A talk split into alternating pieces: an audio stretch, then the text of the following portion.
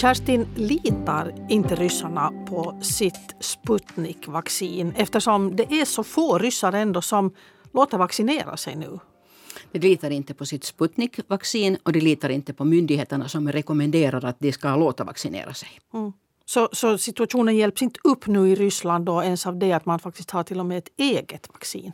Nej, och, och det var ju ett, det, ett av de första vaccinen som överhuvudtaget kom ut på marknaden och började liksom, distribueras till folk så var ju Sputnik-vaccinet. Mm. Det var ju en oerhörd uh, vetenskaplig framgång för mm. Ryssland att, att få ett eget vaccin. Men det hjälper inte alls för att den här misstron och misstänksamheten och eh, på något sätt fasan inför allt som kommer från myndigheternas sida så är så stark att den eh, på inget sätt gör att ryssarna istället skulle vara liksom eh, stolta och säga att hej, att vi har det här egna sputnikvaccinet. Sputnik-vaccinet. Och det är också hemskt vanligt när man talar med människor att de säger att de inte har, har låtit vaccinera sig och att de inte vill ha Sputnik. Och om det skulle vara möjligt att köpa ett av de, ett, ett vaccin som finns på mm, den internationella marknaden så att säga. Vi kan ju heller inte köpa de här vaccinerna. Mm. Men, men till exempel när jag berättar att jag har blivit vaccinerad med Pfizer mm. så är det många så här att ja, skulle jag få Pfizer så skulle jag också låta vaccinera mig. Mm.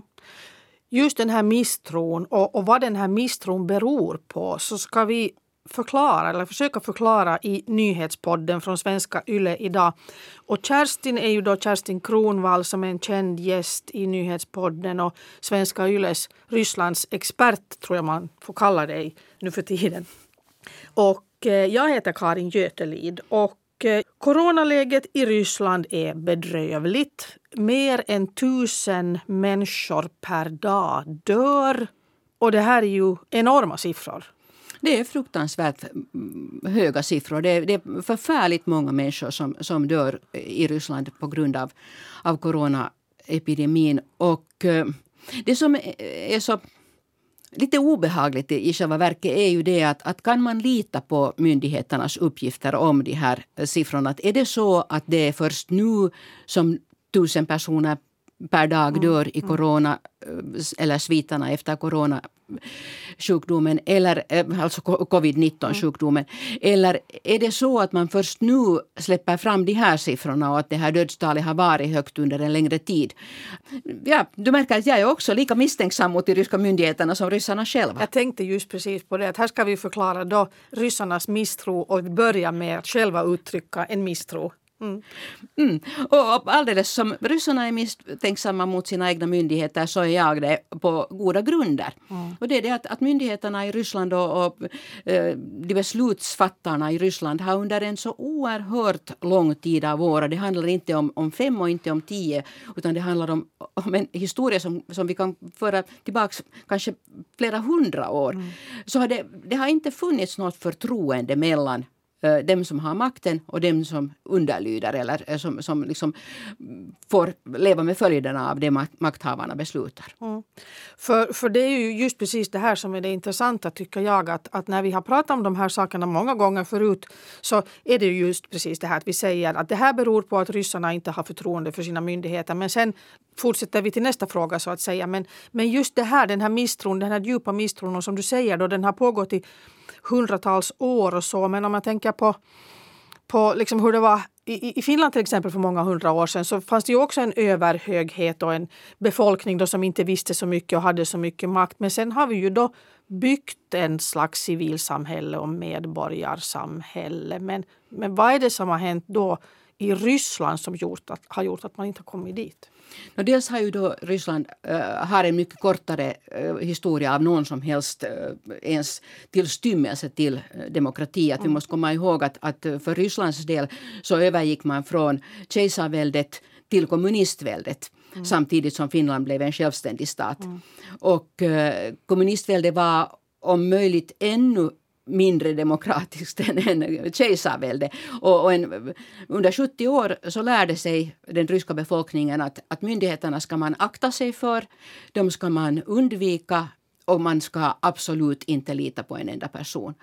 Uh, eventuellt kom det en liten förändring här efter att Ryssland hade varit självständigt efter, efter Sovjetunionens sönderfall. Mm. Det var en lite annorlunda stämning där någon gång eh, riktigt under de första åren av 2000-talet under, under president Putins allra första tid vid makten så fanns det en sån här underström av lite mera medborgaraktivitet, lite mera förtroende för, för makthavarna och, och, och en lite större lust att på något sätt delta i, i, i samhällsdebatten mm. eller, eller att, att hävda sig själv och sin egen rätt som medborgare. Mm. Sen har den, den utvecklingen i och med Putins väldigt hårda tag mm. som dels har att göra med till exempel terrorismen som var så synlig och, skördade så många liv då i början av hans maktperiod så har, har han liksom skruvat åt alla skruvar så att människor är väldigt pressade. Och nu 2011 eh, då när, när eh, Dmitrij Medvedev var president och Putin, Vladimir Putin var, var premiärminister och de plötsligt meddelade att de kommer att byta plats i mm, samband med mm. nästa presidentval. Så då föddes igen en sån här medborgaraktivitet och det blev stora demonstrationer och människor liksom ville vara med och påverka och ansåg att det här var ett beslut man inte kan finna sig i. Och ända sedan dess så alla försök att på något sätt aktivera sig i samhället har slagits ner med väldigt, väldigt hård hand. De nuvarande makthavarna i Ryssland har nog riktigt också själva med sina aktiva åtgärder gjort att det här förtroendet inte på något sätt har ökat för, för dem, tvärtom. Mm.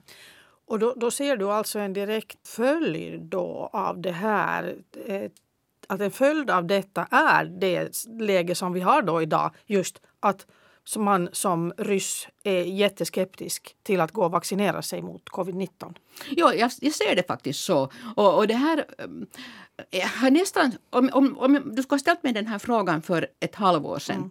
så skulle jag kanske ha svarat på ett annat sätt. Mm. För då hade jag själv suttit här i Finland uh, under hela coronapandemin och följt med läget i Ryssland på avstånd. Mm. Och, och, jag levde faktiskt i den uppfattningen att myndigheterna har skött det här jättedåligt och, och människor har, har farit illa och dött och, och blivit sjuka och förlorat sin utkomst och allt möjligt sånt här på grund av att myndigheterna har skött det dåligt. Mm. Och efter att jag igen kunde börja resa dit så ändrades min uppfattning i det här fallet. Och jag säger inte att de ryska myndigheterna skulle ha skött sig jätte, jättebra. Mm. Men de har heller inte skött sig sämre än många andra. Mm. Men när det inte finns något som helst förtroende, när, när hela det här grundläggande förtroende för att man kan lita på det myndigheter säger, man kan, det finns skäl att följa de råd eller instruktioner som myndigheter ger. Och, och hela det är försvunnet mm. så då, då faller ett samhälle på sätt och vis sönder. Och då mm. kommer det så tydligt fram just i en sån här, i en sån här situation mm. där, där det kommer mm, uppmaningar från myndigheternas sida att vaccinera er. Vaccinationen är helt gratis. Gå och vaccinera er. Och det har gjorts väldigt lättillgängligt. I stora städer så finns det sådana um, ett slags containrar som man har fört ut, ett slags små kiosker runt om i stora städer där man bara helt utan att på något sätt ens på förhand boka tid kan gå in och, och visa upp sina papper och säga att jag vill ha en, en vaccination. Mm. Så att trots det så finns det ett otroligt motstånd mot att vaccinera sig. Mm. Men är det då fråga om okunskap, att man, att man är rädd för, för vaccinet eller är det liksom det också att det finns sån här aktiv missinformation? Vardera. Mm. Dels är, är man rädd för vaccinet och, och, jag har träffat många människor som säger att de, de blir hellre sjuka än tar det här vaccinet. Mm. Och, och, det har också att göra med det att väldigt många, när, när så oerhört många eh, har, har insjuknat, det handlar ju om miljoner människor i Ryssland som mm. har, har haft covid. Och en del har inte varit så väldigt svårt sjuka. Mm. Så då kanske man hänvisar till det att, att den och den hade också den här sjukdomen och den var inte så allvarlig och jag är mer rädd för följderna av vaccinet. Vilket ju också talar om misstro på något sätt. Mm. Men sen handlar det nog också om förstås som alldeles som i Finland också om, om en väldigt stark sån här, vad ska man kalla det, en slags lobby, alltså människor som mm. sprider des, desinformation och helt enkelt, helt enkelt talar om att, att det är farligt att låta vaccinera sig och många säger ju att, att det överhuvudtaget inte existerar någon sån här sjukdom som covid-19, att det är bara ett påhittat, mm. ett påhittat fenomen där myndigheterna försöker få allt mera kontroll över oss. Och, eh, jag har hemskt ofta hört det här att människor är misstänksamma mot att man får den här vaccinationen gratis. Ja, just det. Att, eh, att, vad är det här för någonting? Att, okay. att om det skulle vara någonting värt så skulle de ju ta betalt för det. Att, det, att, de, att de ger det här gratis så det tyder på att de sprutar in någonting skadligt i oss eller någonting som, som kan påverka vårt psyke eller någonting sånt här. Mm. Och sen det här då också, när vi pratade här inför så sa det också att det skulle också kunna vara ett knep, sa du, att man skulle säga att det är brist på vaccin. Ja. För då skulle folk ställa sig i kö. Det här har jag hört från väldigt många Ja, av mina ja. egna bekanta som då hör till den här gruppen som, som har låtit vac- vaccinera sig och som, som med stor förundran tittar sig omkring och ser att den största delen av befolkningen inte vill vaccinera sig. Så jo, det är just det här att man säger att, att sk- skulle man gå ut med beskedet att, att det här är en bristvara, det här får bara eliten. Då skulle det vara köer, köer till vaccinationsställena. Eh, Men eh, okej, myndigheterna har svårt att få fram sitt budskap. Men om vi tänker då på den som sitter allra, allra högst upp, Vladimir Putin, presidenten då i det här läget. Det kan ju inte vara så där en jättetrevlig situation för honom heller när så här många ryssar dör varje dag. Gör han någonting eller liksom agerar han på något sätt i den här situationen? No, han, han eh, agerar ju väldigt tidigt, då redan i fjol, eh, i, ganska i början av, av eh, pandemin, med att på sätt och vis två sina händer och delegera ansvaret för vården av covid-sjuka för hela skötseln av, av epidemin till regionerna, alltså till de regionala myndigheterna. Så på det sättet tog han steget tillbaka och sa att sköt det här, vi ger pengar. Så att, eh, det är klart att, att en pandemi är ju ingenting som någon människa i hela världen kan önska sig. Nej. Men president Putins arbete för att förbättra situationen i Ryssland har lindrigt sagt inte varit särskilt synligt. Och, och det är liksom sen någonting som på något vis speglar av sig eller rinner neråt så att säga i den övriga, i det övriga myndighetsmaskineriet. No, det tycker jag inte. Jag tycker ju faktiskt att, att de flesta, det jag har sett av myndighetsverksamhet inte har varit dålig. Jag, tycker, jag tycker faktiskt att, att mycket har skötts bra och det finns hemskt mycket information. Det finns dels på, på tv och på, på radio och så här och på, på sociala medier och på, på nätet och också på gator.